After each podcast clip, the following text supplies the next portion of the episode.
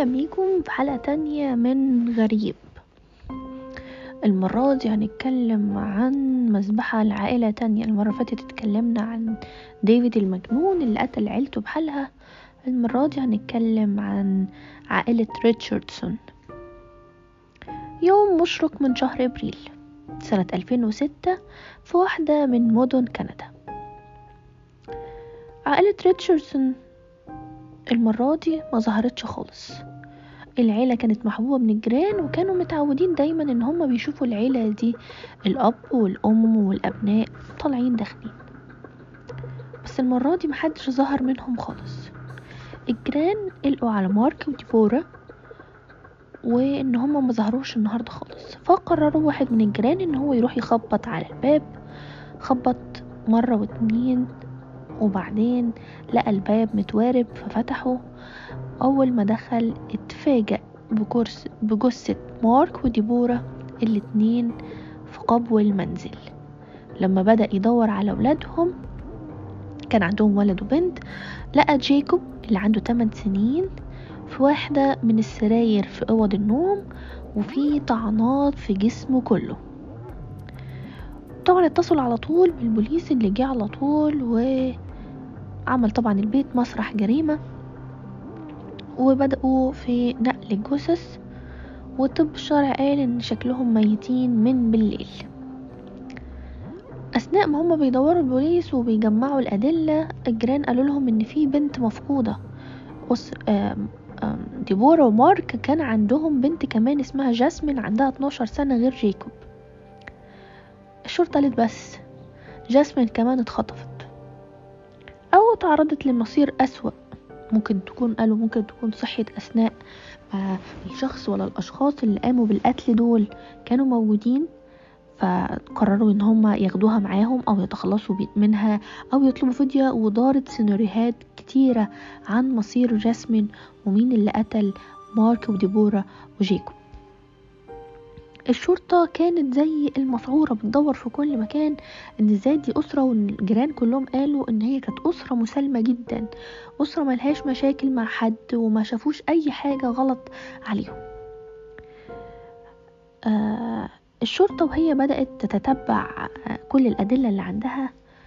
اتفاجئوا الجيران إن الشرطة لقت جاسمين في وسط مجموعة من اللي إحنا بنقول عليهم الهيبز. في مكان يبعد تقريبا 130 كيلو عن منزل العائلة. الشرطة برضو لغاية ما هي راحت تجيب جاسمين هناك مقتنعين إن أكيد طبعا الهيبز دول في منهم ناس بيبقوا مدمنين مخدرات ناس بيبقوا تبع ديانات مختلفة فقالوا إن هم ممكن يكون واحد منهم خاطفها أو حاجة وقرروا يتجهوا للمكان دون. ده كان زي كامب كده قاعدين فيه الناس دول. لقوا جاسمين موجودة مع واحد عنده 23 سنة تقريبا. إحنا قلنا جاسمين عندها 13 سنة بس. قالوا بس أنت اللي خطفت جاسمين يلا معانا. لكن الراجل ده لما مشي معاهم أو الشاب دون اللي كان اسمه جيرم ستيكن قال لهم إن هو مش خاطفها ولا هو مجبرها إن هي تيجي معاه ولا أي حاجة. قال لهم إن هو البوي فريند أو الصديق المقرب. لجاسمين. الشرطة زي ما بيقولوا أسقط في يدها اللي هو أنت بتقول إيه ده؟ إحنا جايين بقى إن جاسمين مخطوبة مخطوفة وهنبتدي بقى ندور مين اللي خاطفها وإن أنتوا أكيد قتلتوها وبتاع. فبدأوا يضيقوا الخناق على جيرمي وجاسمين. عايزين يعرفوا إيه اللي حاصل. الطفلة جاسمين لأن هي فعلا هي طفلة مراهقة يعني على أعتاب المراهقة كمان. بعد ما قعدوا المحققين يطرحوا عليها الكثير من الأسئلة. قالت لهم إن هي بمساعدة جيرمي هي قتلت أسرتها. طب ليه يا جاسمين؟ ليه انتي يعني لسه تمت 13 سنة؟ ليه يا جاسمين تقتلي أبوك وأمك وأخوك الصغير اللي عنده 8 سنين مصعبش عليكي؟ قالت لهم وفي اعترافاتها اللي هو عسر أقبح من ذنب قالت لهم إن هي كانت بتحب جيرمي اللي اتعرفت عليه في واحدة من حفلات الروك اللي هما بيروحوها. جيرمي ده كان شاب. الناس اللي هما زي ما بنقول عليها الإيمو أو الناس اللي هما مش عبدة شيطان لا بس هو كان ليه فكر لوحده كده. طبعا روج أسود وسابغ شعره وحاطط تاتو وكل الكلام دون بس جيرمي كان عنده فكرة تانية في دماغه. جيرمي كان بيقنع اللي حواليه إن هو مصاص دماء فامباير عنده 300 سنة. وكان بيتحرك على طول وشايل معاه أنبوبة فيها دم لأن هو كان بيقنع اللي حواليه وزمايله وأي حد بيقابله إن هو عشان مصاص دماء فلازم يشرب كل شوية جرعة دم عشان يقدر يكمل. جيرمي وجاسمين زي ما قلنا اتقابلوا في الحفلة بتاعة الروك دون جاسمين مراهقة طائشة عندها تقريبا كانت لسه 12 سنة وجيرمي أقنعها بأفكاره إن هو مصاص دماء وإن هو بقى الشاب الفظيع والكلام دون.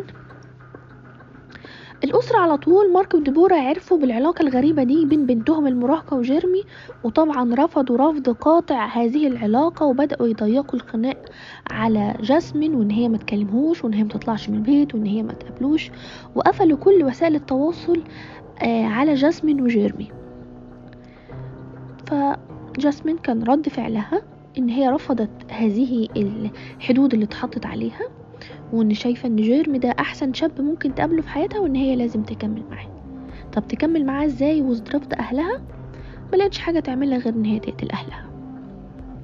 ده اللي قالته لضباط الشرطة والمحققين وهم بيحققوا معاها. الغريب إن بعد ما اتقبض عليهم جيرمي تقدم لها قال لها أنا عايزة أتجوزك. طبعا الشرطة ما بقتش عارفة يعني جيرمي هنقول إن هو شاب ودخل في سكة ما نعلم بيها إلا ربنا لكن المراهقة يا جاسمين اللي هان عليها إن هي تقتل أهلها. طب قتلتهم إزاي؟ قالت إن هي اتسحبت بعد ما الأهل ناموا وفتحت لجيرمي الباب وأخدوا آه، آه، سكاكين من المطبخ. ولما الأسرة حست إن في تحت دوشة الأب والأم نزلوا واستقبلوهم جيرمي وجاسمين بالسكاكين وادوهم كذا طعنة. كان ممكن إن هما يمشوا لأن كان ساعتها جيكوب اللي عنده 8 سنين نايم ومحسش لا جاسمين طلعت هي وجيكوب وقتلوا أخوها اللي عنده 8 سنين وهو نايم في سريره بكذا طعنة. خضعت جاسمين طبعا وجيكوب للتقييم النفسي من قبل القضاء. بس حتى التقييم النفسي فيه ثلاث جثث موجودين. ثلاث جثث من أقرب أقرباء جاسمين أبوها وأمها وأخوها. القاضي حكم على جاسمين بأقصى عقوبة كانت ممكنة قدامه لأن جاسمين كانت لسه عندها تم 13 سنة أثناء المحاكمة. فطبعا تعتبر إن هي حدث. فقال إن هي هي طفلة طبعا محامي الدفاع بتاعها قال إن هي طفلة وتم التلاعب بأفكارها.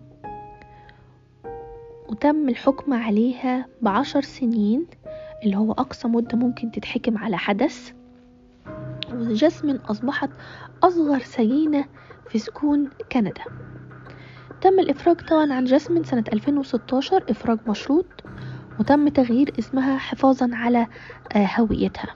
أما جيرمي بقى فالقاضي حكم عليه بثلاث أحكام مؤبدة حكم عن كل واحد من عائلة ريتشاردسون تم قتله ولغاية دلوقتي لسه جيرمي موجود في واحدة من سكون كندا.